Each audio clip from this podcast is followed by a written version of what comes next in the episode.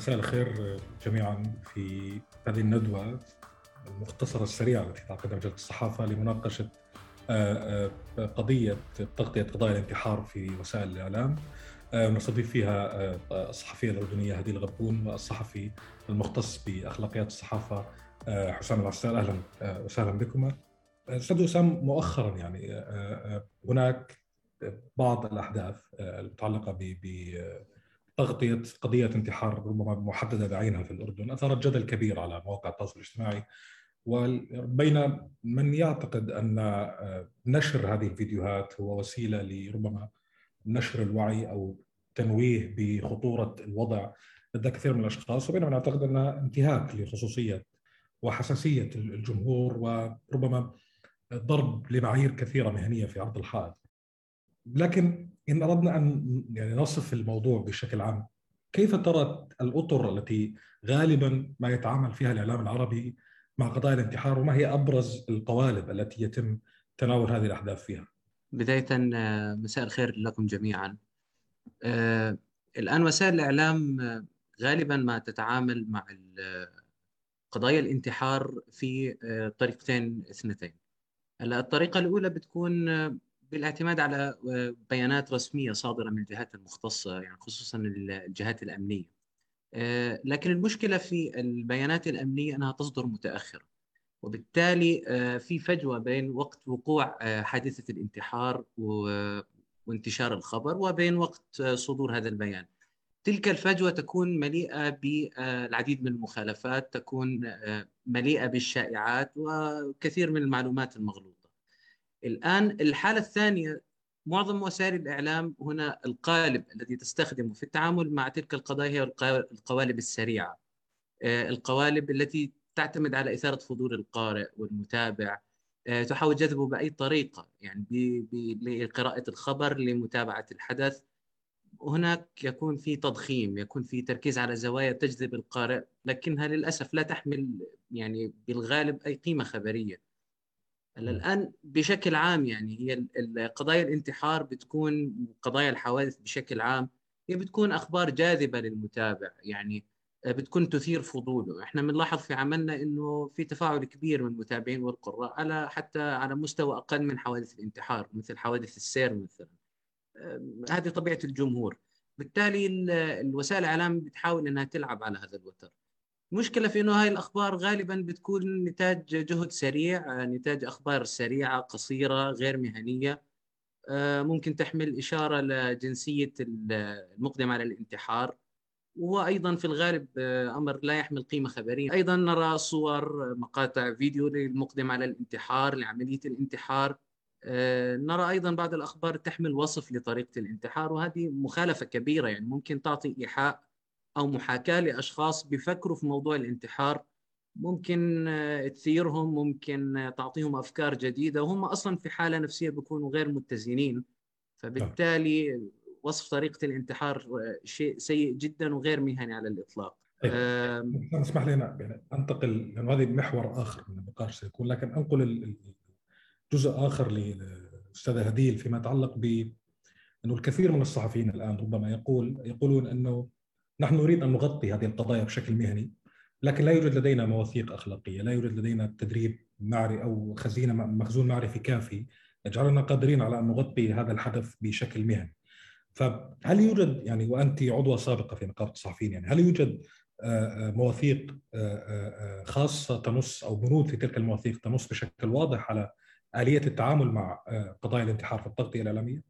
آه، أسعد الله مساءك أستاذ محمد ومسي على زميلي كمان حسام آه، يعني هذا مدخل مهم آه، حقيقة لهذا الموضوع المأساوي اللي عم بتكرر يعني في الآونة الأخيرة وبيتم تداوله بدي أسميها بطريقة كرنفالية يعني لكن بالمعنى السلبي طبعا. بميثاق الشرف الصحفي لنقابه الصحفيين الأردنيين في توجيهات ومبادئ عامة تتحدث عن يعني طريقة أو مهنية الصحفيين في طريقة التعامل مع أي قضية بشكل عام ولكن لا آه، آه، يتضمن هذا الميثاق أي آه، قضايا تفصيلية. فممكن ممكن نجد في هذا الميثاق مثلا حديث عن التركيز أو هناك تركيز فعليا على قضايا الطفولة، قضايا النساء باعتبارهم إنهم من الفئات الأكثر حاجة للحمايه أو الفئات الأكثر هشاشة، في تركيز على إنه يعني تناول هذه القضايا من بعد حقوقي ولكن أيضا هي ضمن مبادئ توجيهية عامة.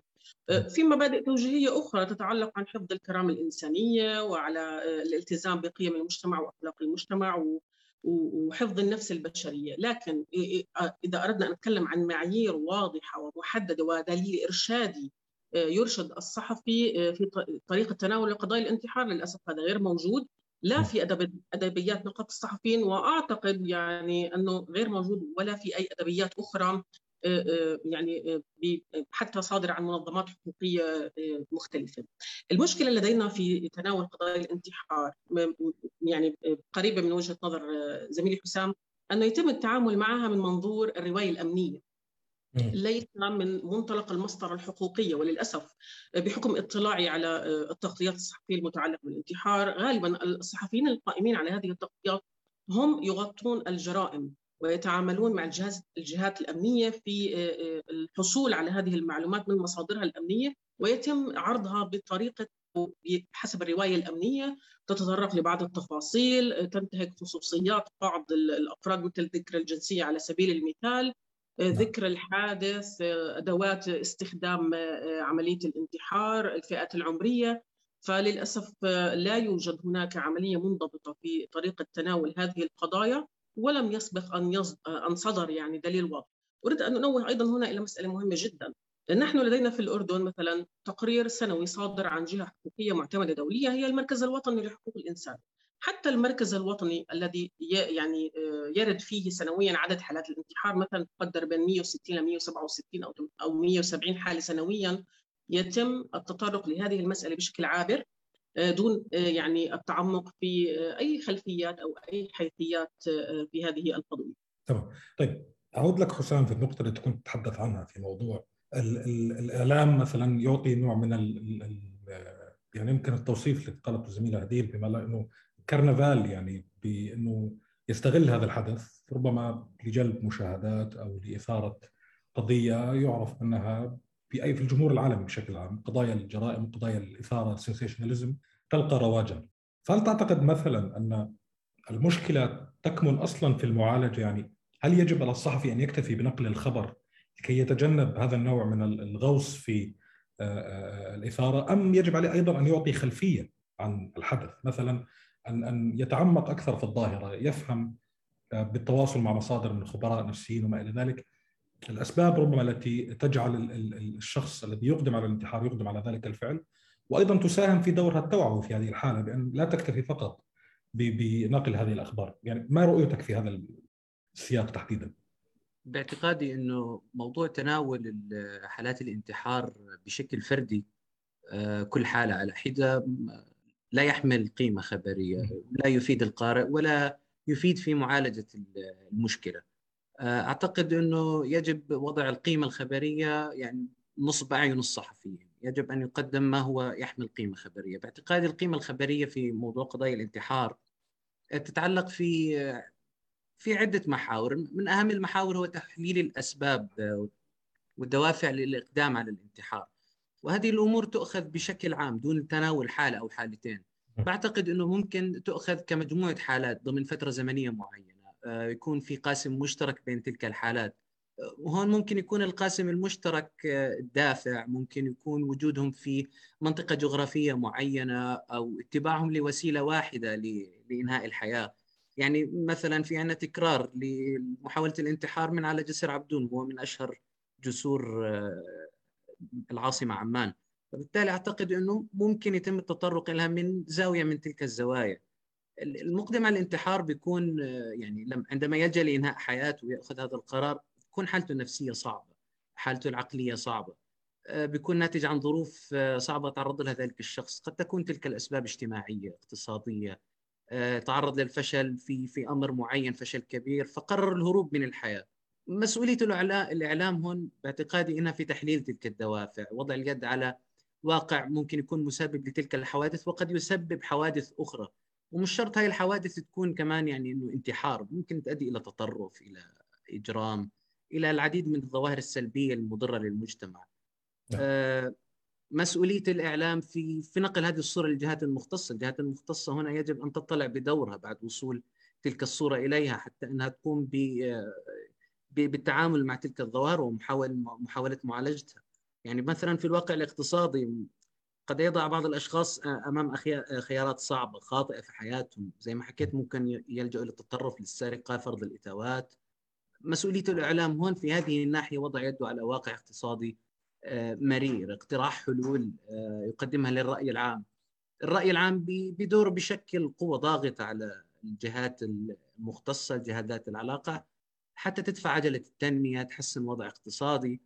لذلك باعتقادي القيمة الخبرية تكون في تحليل دوافع وأسباب خصوصا إذا كان الموضوع بشكل ظاهرة ممكن كمان الإعلام يقدم شيء مثل محاولة اقتراح حلول لمساعدة من يفكر في في الإقدام على الانتحار. أعتقد أن وجود جمعيات اقتراح وجود جمعيات أو وجود جهات بتقدم نصائح أو استشارات نفسية أو معالجة نفسية أو أي مساعدة أو معالجة لهؤلاء الأشخاص أعتقد هم بأمس الحاجة إليها.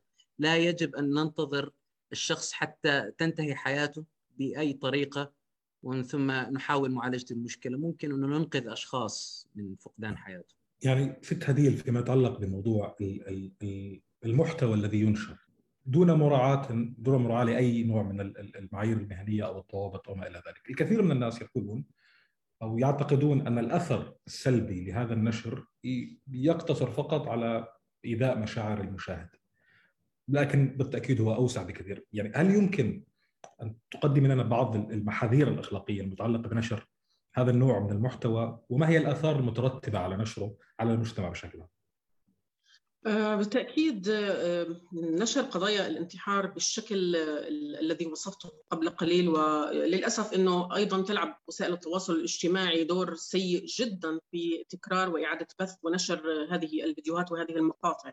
آه، للأسف أنه في عدة دول غربية أجريت هناك العديد من الدراسات المنهجية وهناك دراسة صدرت في العام 2018 تتحدث عن أثر التقارير الصحفية على مسألة عدوى الانتحار وتأثيرها على من يفكرون باللجوء إلى هذا السلوك والنسبة كانت تتراوح ما بين 1 إلى 2% وهذه نسبة لا يستهان بها حقيقة في في مسألة تناول قضايا الانتحار. أنا أريد أن أذكر لك مثال آه، على قصة آه، المحتوى آه، الذي يتم نشره بغير وعي من الصحفيين وبطريقة تحليلية خاطئة. يعني تقدم الانتحار على أنه أمر طبيعي وأنه رد فعل طبيعي على الضغوط الاجتماعية والاقتصادية أو السياسية وأن هذا أمر طبيعي يمكن اللجوء إليه. الأصل أن أن يتم التعامل معه على أنه مسألة مرضية وحالة مرضية تستدعي التدخل وأن هناك آه، آه، جهات جاهزة للتدخل والمساعده في هذا الشأن. في إحدى التقارير الصحفية انتشرت آه، على حادثة جسر عبدون ولم أكن أود أن أذكر الاسم الموقع التقرير الصحفي يسأل لماذا يلجأ المنتحرون إلى جسر عبدون في الأردن اليوم؟ فكان الجواب من أحد المصادر الرسمية أنه بسبب ارتفاعه الشاهق وكأنه هو يدعو في دعوه غير مباشرة أو يعني آه، يوصل يوصل رسالة غير مباشرة بأنه الموت محقق من هذا الموقع وبالتالي من يفكر بالانتحار فإنه هذا الموقع هو يعني آه، جاهز لتحقيق هذا الهدف. فهناك رسائل حقيقة خطيرة جدا آه، يتم يعني تناولها في الإعلام بدون مسطرة حقوقيه كما قلت مرة أخرى. أنا أعتقد إنه تناول قضايا الانتحار خطير جدا يجب أن يركز على أنه هو أمر غير طبيعي ولا يجب أن يأخذ هذا الحيز الكبير في الإعلام وعملية التكرار بغرض الحصول على المشاهدات وعلى يعني الترافيك بين قوسين. آه، يجب أن يكون في زوايا غير ظاهرة وعدم تكرارها و آه، هناك أيضا بعض النماذج آه، تتناول مثلا إذا كان شخصية عامة أو ابن شخصية عامة وإذا كان في وهذا ليس موجود في الأردن ربما في في دول أخرى قضايا الانتحار الجماعي وقضايا انتحار المشاهير. لها تأثير كبير جدا على من يفكر في في هذه في هذا السلوك وبالتالي أعتقد أنه لابد من أن يكون هناك دليل إرشادي يعني دقيق وحساس جدا وخطاب حساس جدا بعيد عن الإثارة في مسألة تناول قضايا الانتحار. حسام ربما السؤال الأخير يعني في لك في هذه النقطة يعني الأستاذة هذه تطرقت له بشكل أو بآخر خلال النقطة الأخيرة بأنه حتى لو التزمت وسائل الإعلام بعدم نشر هذا هذه المحتويات ووضعت مسطره مهنية واضحة آه، تحدد ما الذي ينشر وما الذي ينشر وكيف ينشر فإن لا فإن لا رقابة على مواقع التواصل الاجتماعي والمستخدمون هم أول أصلا يعني هم المصدر الأول لهذه الفيديوهات التي تستقي منها المؤسسات الصحفية هذا. فكيف يمكن للصحافة هنا في هذه الحالة؟ ما هو الدور الصحافه ربما في كبح جماح هذا السعي وراء التفاعل والتغريد على حساب ربما فيديوهات صادمة ومؤثرة تؤثر في حياة الناس وتؤثر بالمجتمع بشكل عام. دور وسائل الإعلام هون بيكون بالتثقيف والتوعية وأن تكون الوسائل الإعلام بنفسها قدوة. آه، المشاهد إذا لمس من وسائل الإعلام حرص على احترام خصوصيه وحرمة المتوفى سواء كان منتحر أو توفى بشكل طبيعي سيشعر المشاهد تلقائيا أو المتابع تلقائيا أن تداول تلك المقاطع الصادمة أو أمر منبوذ غير طبيعي غير اعتيادي. بالتأكيد ذلك سيحد بشكل أو بطريقة ما من انتشار تلك المقاطع. آه، نقطة أخرى بدي أشير إلها إنه وجود وسائل إعلام متخصصة في مجال الصحافة المهنية آه، وسائل آه، الصحافة الأخلاقية أمر مهم جدا في التوعية والتثقيف. تثقيف للمجتمع وللصحفيين ولوسائل الاعلام في مختلف القضايا اللي بتواجه الصحفيين ومن بينها قضايا الانتحار. وفي أمثلة جيدة يعني على تلك الوسائل الإعلام المتخصصة. في عندنا في الأردن في مرصد أكيد آه، مرصد أكيد نشر العديد من التقارير والنصائح والتوجيهات المتعلقة بقضايا الانتحار والعديد من القضايا. آه، هناك في فلسطين أيضا مرصد كاشف. وأيضا هناك تجربة دولية يعني محترمة جدا في الولايات المتحدة اللي هي شبكة الصحافة الأخلاقية لإيدن وايت. آه هذه التجارب آه رائدة آه بتقدم إفادة للمجتمع ولوسائل الإعلام أيضا. لكن أنا باعتقادي أكثر أمر مؤثر في هذا الموضوع آه، في التأثير على المستخدمين لوسائل التواصل الاجتماعي والجماهير مش مرتبط بشكل مباشر بوسائل الإعلام. أنا بعتقد هو بموضوع التربية الإعلامية والرقمية. يعني غرس مفهوم التربية الإعلامية مهم جدا للأفراد.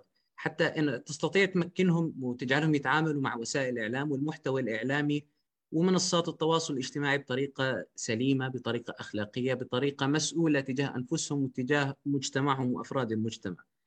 لكن الإشكالية هنا إنه موضوع التربية الإعلامية لا يلقى الاهتمام الكافي وأيضا هو يحتاج وقت لأنه هو موضوع تراكمي آه، تبدأ فيه منذ منذ النشأة يعني منذ نشأة الطفل في المدرسة في البيت تبدأ أنك تدربه على كيفية التعامل مع وسائل الإعلام كيف يعبر عن رأيه كيف يشارك محتوى إعلامي كيف يصنع محتوى معين على منصات التواصل الاجتماعي.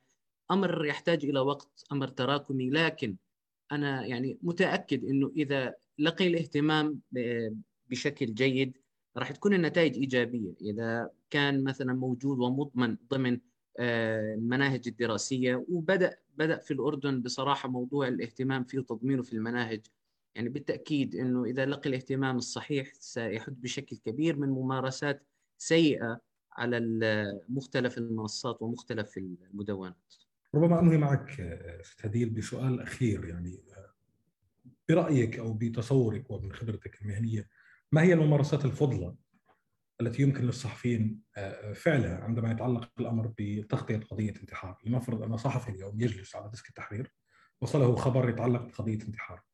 ما الذي يفعل في هذا الحال؟ أنا باعتقاد هناك عديد من الممارسات الفضلى يمكن اللجوء لها وهي يعني تندرج في إطار أي قضية حقوقية إنسانية يمكن التعامل معها بالضرورة بالبداية أن يكون أي صحفي يتابع هذا النوع من القضايا أن يخرج من هذا هذه الذهنية الأمنية في التعامل مع هذه القضايا ولا يكتفي بالرواية الأمنية الصادرة عن الجهات الرسمية لأنها يعني بعيدة كل البعد عن المسطره الحقيقيه كما قلت.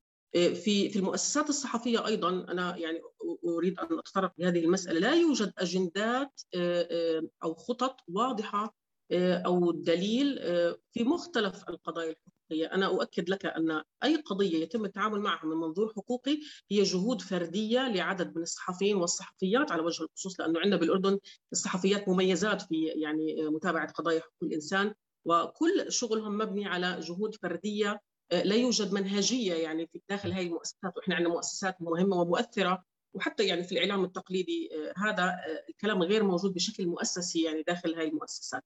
الابتعاد عن لغة الإثارة والابتعاد عن الخطاب العاطفي وإثارة المشاعر آه، التركيز على فكرة تقديس الحياة والتأكيد على إنه هذا ليس أمر طبيعي. يعني بمعنى إنه أن تكون هناك لغة واضحة ومحددة بالتركيز على ليس تفاصيل ولا الشخص المنتحر بل القضية نفسها وكيفيه معالجتها بشكل واضح. أيضا كما قلت عدم إبرازها بشكل يعني مثير جدا وأن تأخذ حيز محدود وعدم تكرار هذا النشر. أيضا ربما يجب أن يكون هناك تعاون يعني مع الجهات الحقوقيه إذا كان هناك ضعف في التدريب لدى بعض الصحفيين. لماذا لا يكون هناك يعني تركيز على هذه البرامج؟